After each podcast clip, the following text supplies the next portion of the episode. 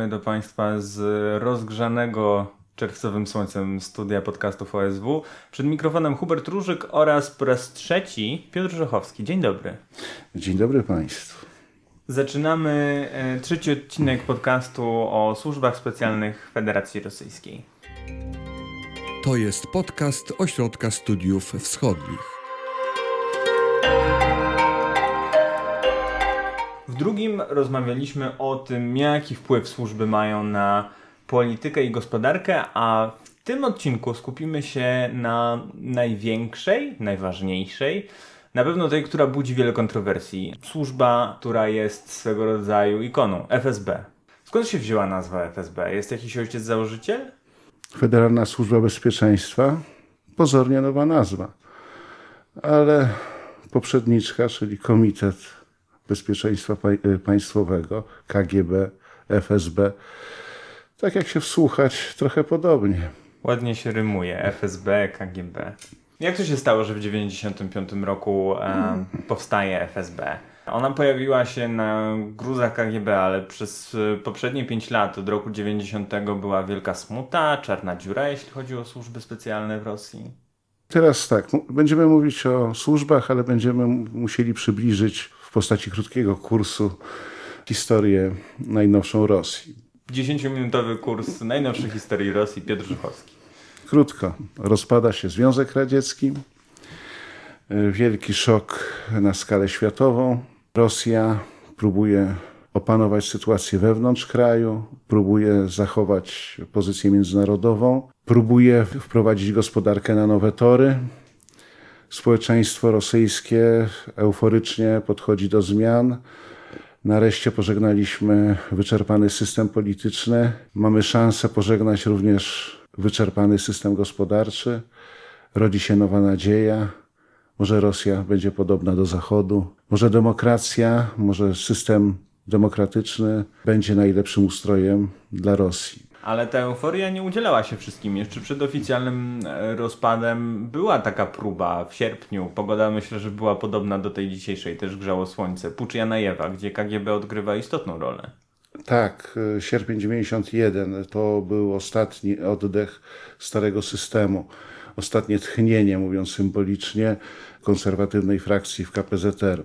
Tu rzeczywiście dużą rolę odegrał przewodniczący KGB Kriuczkow, e, który jako rzecznik odsunięcia Gorbaczowa od władzy, a również zachowania pozycji służb w państwie jako organu, który de facto kontroluje sytuację w kraju przy kryzysie wewnątrz partii komunistycznej, uczestniczy w dosyć, jak się okazało, rozpaczliwej próbie utrzymania starego systemu przy życiu.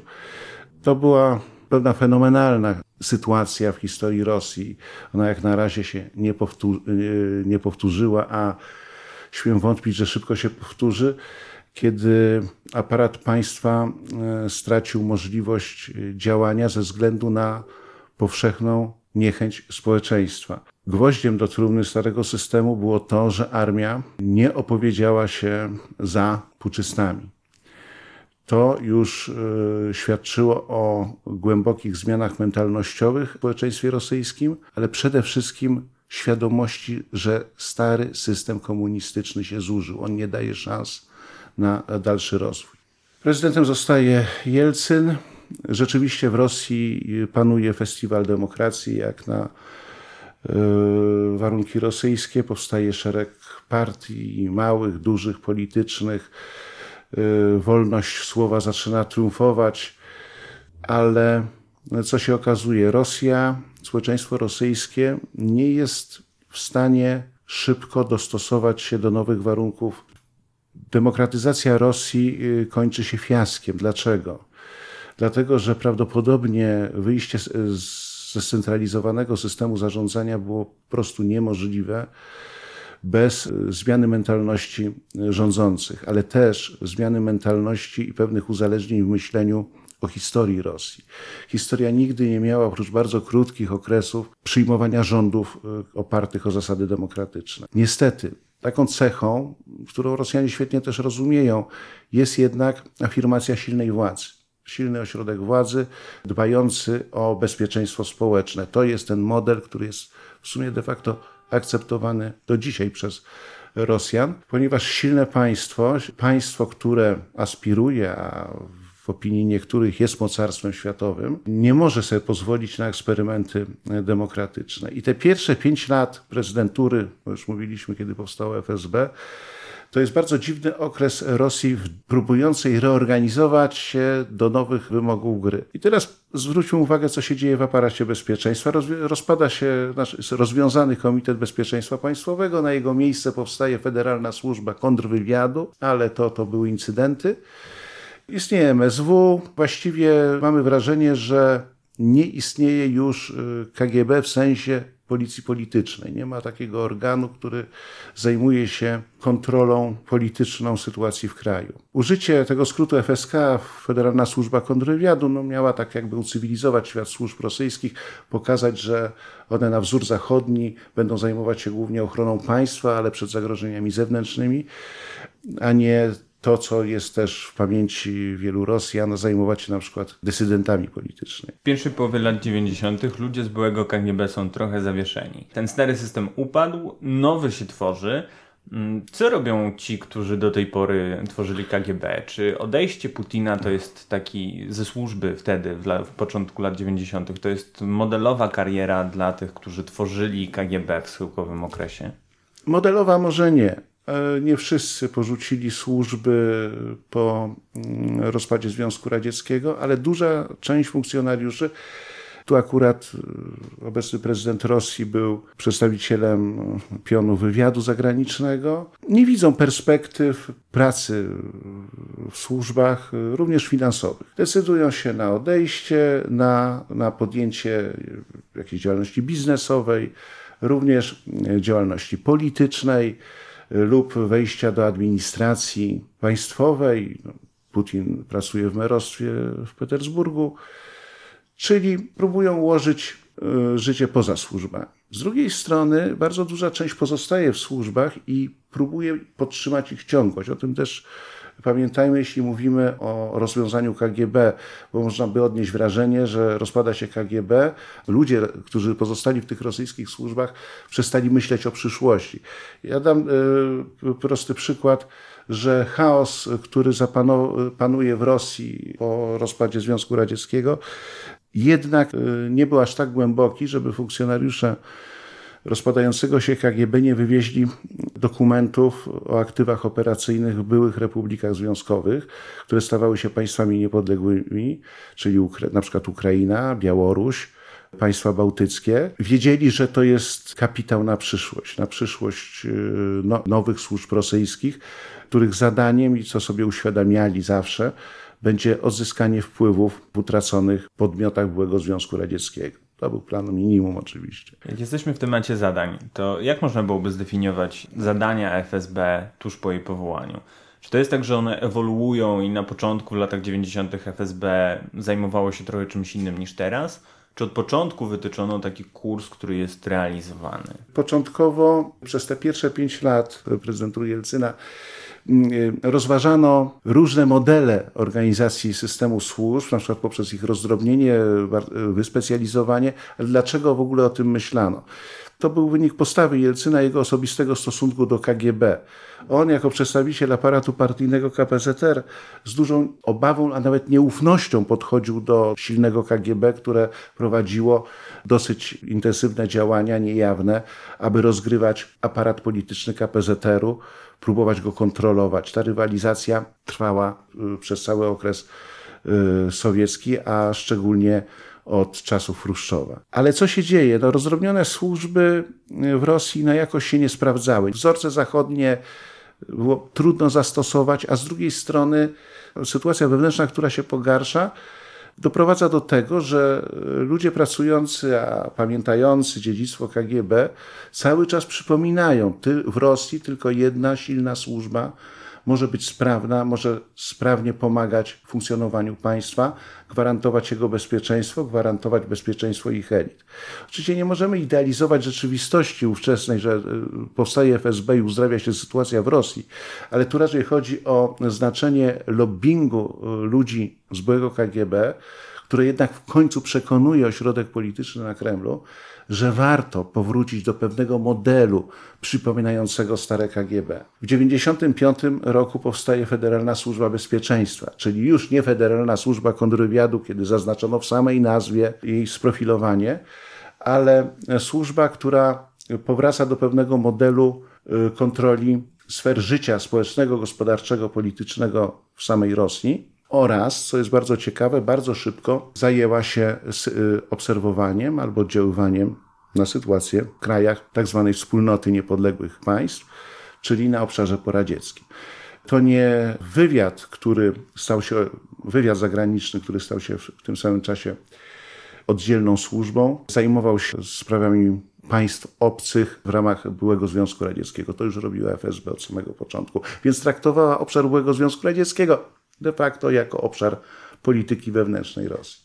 Tak, to jest chyba problem rosyjski, który zostaje do dzisiaj. Traktowanie państw WNP jako swoich, nie swoich. Kwestia tego, co dzieje się na Ukrainie, Białoruś, to pokazuje, że to zostało. Ale ja chciałbym wrócić do tego momentu powstania FSB, bo on jest symptomatyczny. Pokazuje, że po raz kolejny w historii zorganizowane środowisko, służba, służby specjalne wspomagają państwo w kryzysie politycznym. Ten ośrodek polityczny główny Jelcyna on znajdował się w dość nieciekawej sytuacji. Relacje w latach 90. pomiędzy służbami a Kremlem, czy osobiście prezydentem Jelcynem były bardzo skomplikowane, dlatego że układ władzy też był bardzo skomplikowany. Prezydent Jelcyn był otoczony przez oligarchów, wytworzył wiele nieformalnych mm, w swoim otoczeniu mechanizmów podejmowania decyzji.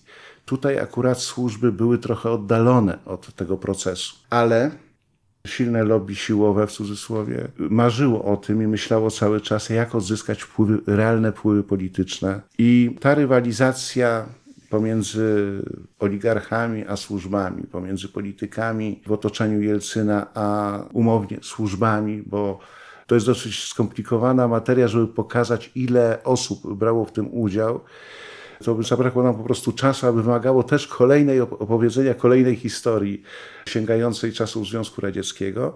Generalizując, służby coraz bardziej zaznaczały swoją obecność, na przykład przez umiejętność rozwiązywania bolesnych spraw, które doskwierały obozowi Jelcyna. Ta skomplikowana historia Rosji pokazuje etapowy powrót służb jako podmiotu polityki na swój sposób. Oczywiście ona się znajduje pod kontrolą, ale z drugiej strony y, nabieranie siły potencjału operacyjnego, uczestnictwo w konflikcie w Czeczenii, w innych konfliktach pojawiających się na terytorium Rosji, wskazywanie zagrożeń. Ja chcę przypomnieć, jak specyficzna sytuacja była w Rosji, zupełnie odmienna niż teraz. Dwa hasła: Kaliningrad, Władywostok, lata 90. Te ośrodki, które są na styku z granicą państwową. Tu mamy Japonię, tu mamy region Morza Bałtyckiego. Władze lokalne zaczynają myśleć, jak zmniejszyć zwierzchnictwo Moskwy, jak zacząć wygrywać swoje położenie dla poprawy sytuacji e, regionu. Tendencja bardzo niebezpieczna dla politycznego bytu Rosji jako federacji, ale centralnie zarządzanej. To też już było zadanie dla służb, jak zahamować ten proces, który może grozić w najbardziej czarnym scenariuszu rozpadem Rosji, ale przede wszystkim spadkiem znaczenia centrum politycznego w Moskwie. Więc jak do tego doszło, że nie ma dzisiaj wolnego miasta Kaliningrad? Odpowiedź jest banalnie prosta.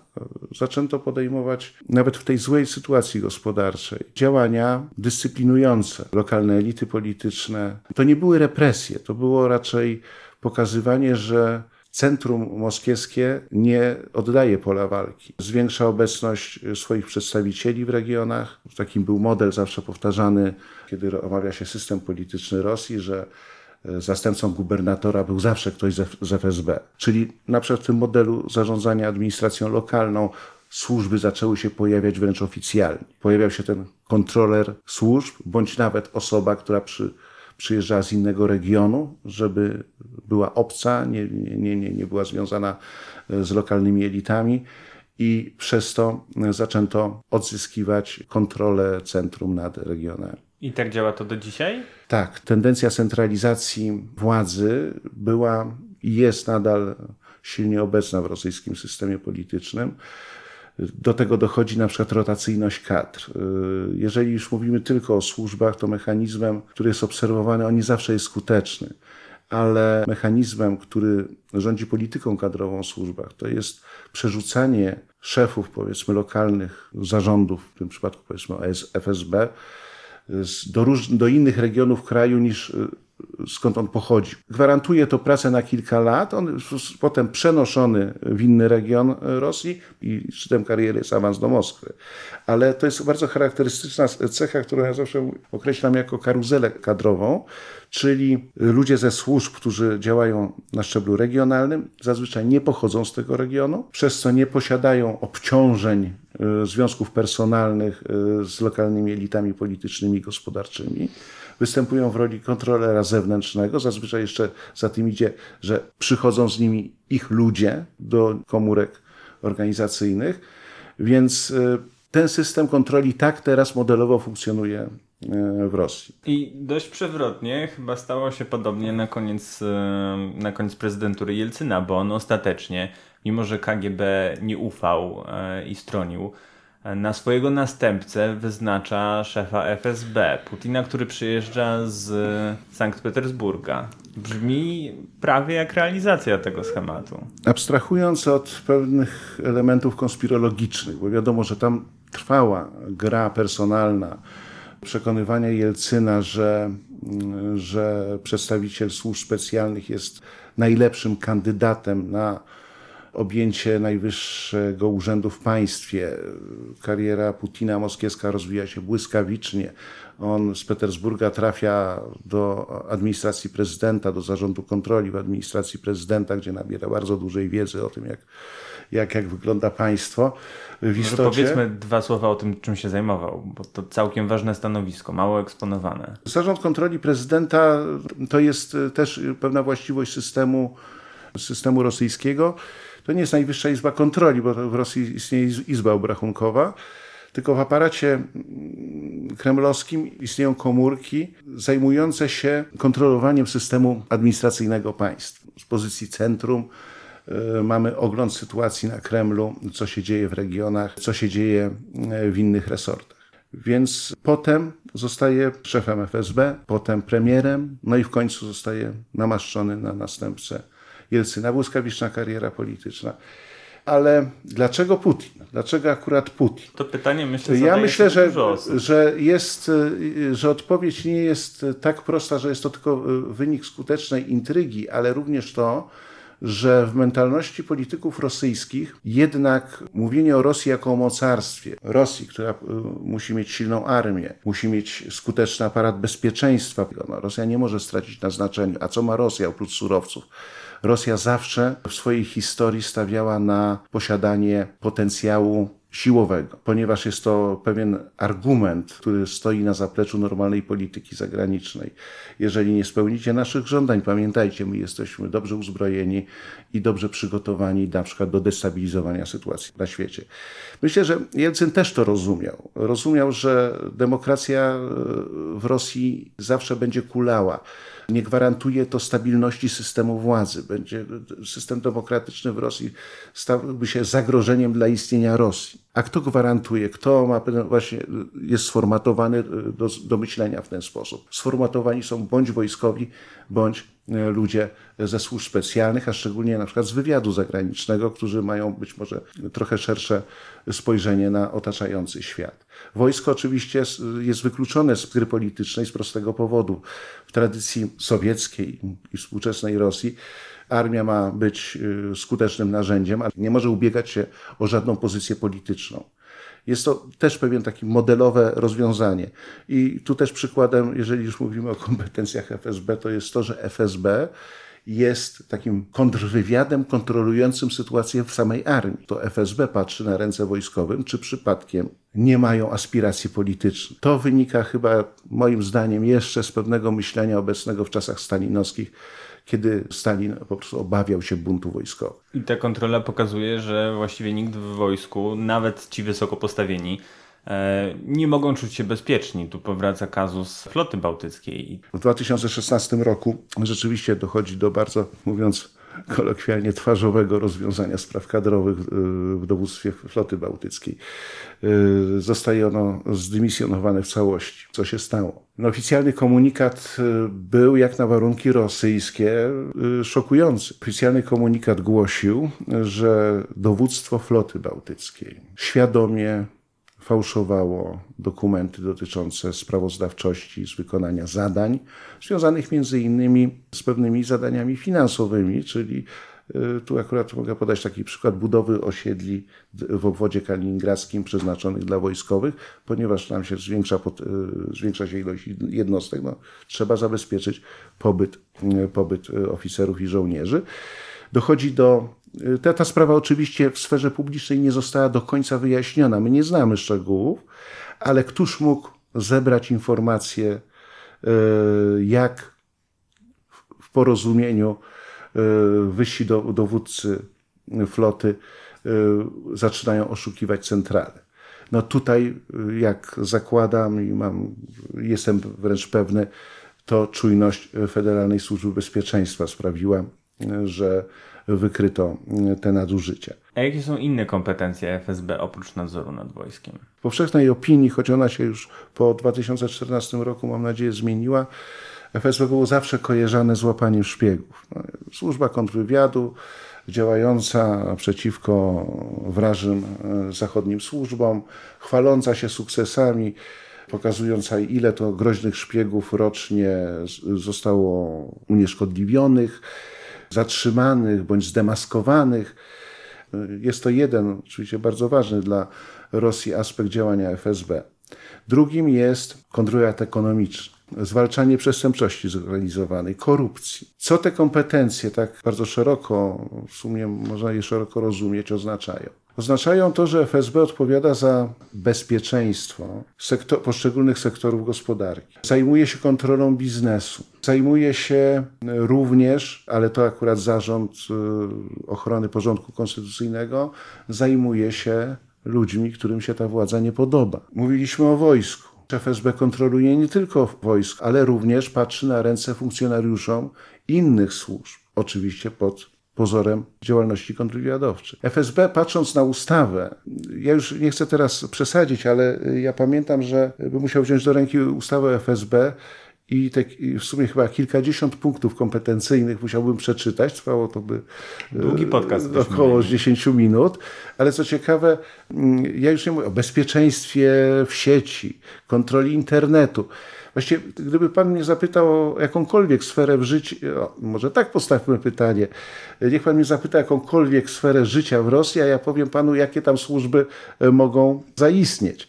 No mhm. i we wszystkich praktycznie sferach, których byśmy dotknęli, to FSB by występowało. Czasami służby inne się zajmują e, podobnymi rzeczami, ale w bardziej ograniczonym zakresie. Mm, mamy tutaj mm, strukturę, która właściwie jest dzieckiem KGB, która de facto niewiele się różni już kompetencyjnie, ale też poprzez posiadanie swojego potencjału. Bo jeszcze przypomnijmy, że w FSB jest kompleks służby granicznej, czyli FSB również odpowiada za szeroko rozumianą ochronę granic a y, za płytki wywiad przygraniczny. FSB ma w ustawie y, na przykład ochronę interesów Rosji na szelfie kontynentalnym. I co to jest ta ochrona na szelfie kontynentalnym? To jest, to mówiąc, jest, mówiąc tak. krótko, to jest współpraca z koncernami y, naftowymi, wydobywczymi, mhm. gazowymi, mhm. na przykład w okolicach Arktyki, gdzie FSB uczestniczy w tym wydobyciu gazu, ale również nadzoruje platformy wiertnicze. A co oni tam robią na tych platformach, możemy się tylko domyślać. Być może jest to też wspomaganie systemu rozpoznania rejonu granic szeroko rozumianych Rosji. Hmm? Podsumowując, e, Rosjanin otwiera lodówkę, a w środku FSB, bo ona jest wszędzie. Tak, to jest taki stary dowcip już e, wyświechtany e, w Rosji. Dzień dobry, tu FSB. Wiem. Skąd? Dodzwonił się pan na wyłączony telefon.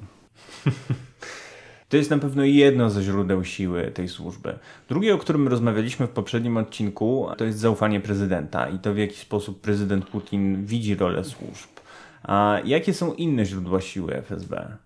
Podstawowym źródłem siły FSB jest decyzja polityczna, którą podjął prezydent Putin, który zrezygnował e, z koncepcji utrzymywania służb pewnej równowadze i rywalizacji między sobą. Y, oczywiście nie przesadzajmy, że to, że to, było, że to był system zrównoważony, ale jeszcze w 2000 latach nie, było, y, nie była obserwowana tendencja, aby jedna służba brała wszystko, y, żeby jedna służba uzyskała przewagę nad innymi. Obecnie sytuacja wygląda tak, że nie ma organu, nie ma innej służby, nie ma innej instytucji, która by mogła zagrodzić FSB. Jeżeli już dochodzi do skandalu wewnątrz FSB, który wycieka na zewnątrz, na przykład korupcyjnego, to ja zawsze powtarzam, a kto to ujawnił? Ujawniła sama FSB dlatego że to zarząd kontroli wewnętrznej FSB zatrzymuje takich ludzi, nie MSW. Czyli właściwie nie ma sposobu na to, żeby kontrolować FSB, bo ona kontroluje się sama.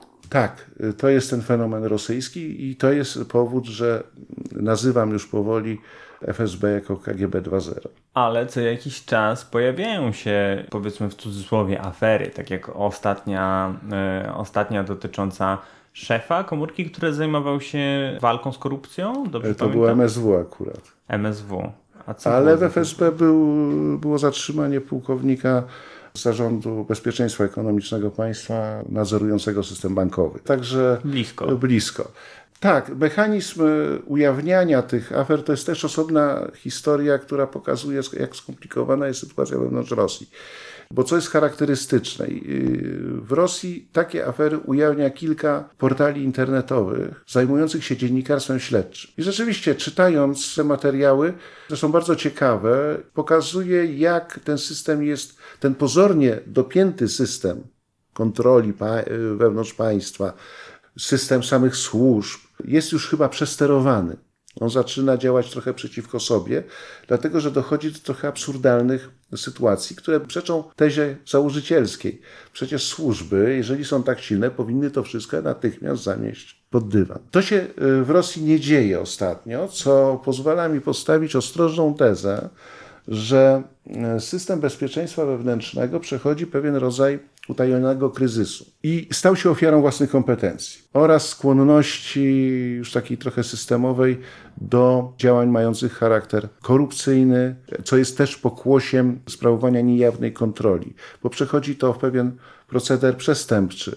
Są składane oferty nieoficjalne ochrony aparatu państwowego dla biznesmena, tylko on musi za to płacić. To jest kolejny temat morze, dlatego że to jest na przykład styk służb, powiedzmy FSB, czy to właśnie nie tyle służb, tylko resortów odpowiedzialnych za bezpieczeństwo państwa, których pracownicy zaczynają wykorzystywać swoje kompetencje do wzbogacenia się. Mhm. Tu nam się otwiera kolejny wątek, taki, e, taka wielka historia, korupcja w Rosji. Myślę, że to, to jest temat, kolejny albo który, kilka innych cykli. To jest temat bardzo ciekawy, ale rzeczywiście wymagający też i podejścia historycznego, bo warto się zastanowić, czym się różni korupcja XIX-wieczna rosyjska, a czym się korupcja, 20, korupcja XXI wieku.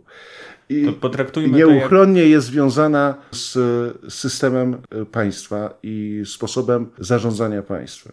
To potraktujmy to jako swoistą zapowiedź. Być może któregoś dnia wrócimy do tego tematu.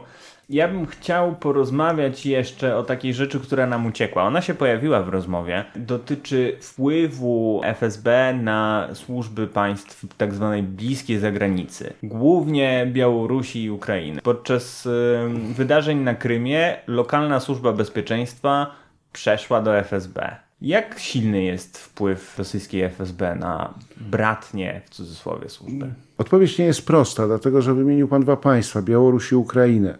Tylko, że stosunek czy relacje pomiędzy służbami białoruskimi a rosyjskimi wynikają z kształtu stosunków międzypaństwowych i tutaj mamy trochę inną historię, dlatego że co nie mówić, to Białoruś jest sojusznikiem rosyjskim w realizowaniu jej polityki z bezpieczeństwa, więc ta współpraca służb białoruskich z rosyjskimi jest poniekąd naturalna i wynika z oficjalnych dokumentów.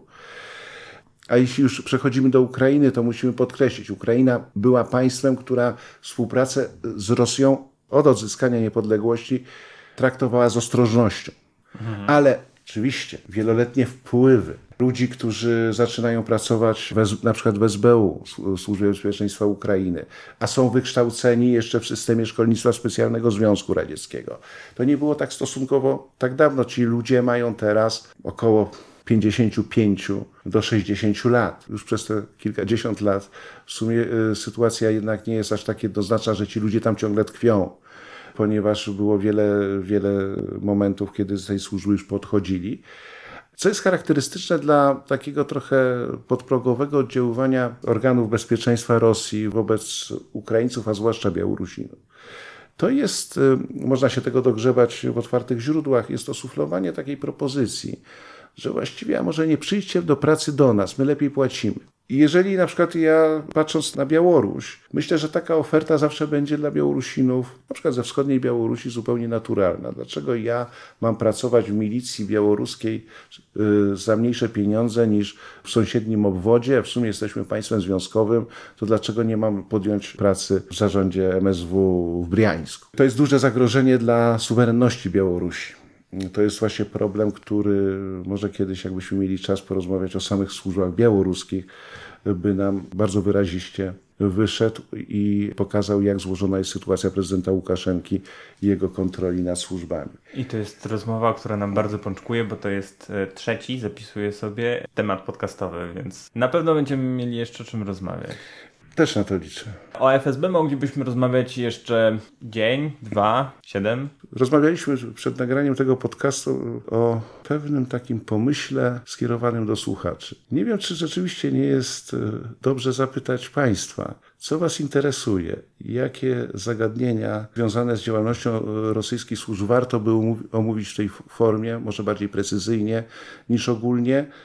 Także czekamy. Jeżeli będzie odzew, to z wielką ochotą podejmiemy to wyzwanie. Tak, e, na pytania czekamy na Facebooku, na Twitterze, na Podbinie, ewentualnie w komentarzach na YouTubie, wszędzie tam, gdzie będziecie Państwo słuchali naszego podcastu. Kolejny odcinek będzie poświęcony Gieru, więc porozmawiamy więcej o sprawach wojskowych, Federalnej Służbie Ochrony, czyli tej części służb, o której mało wiadomo, a jest bardzo ciekawa, oraz e, odpowiedzi na pytania, które dostaniemy od Państwa. Dziękuję za dzisiejszą rozmowę i do usłyszenia. Dziękuję bardzo. Wysłuchali Państwo podcastu Ośrodka Studiów Wschodnich.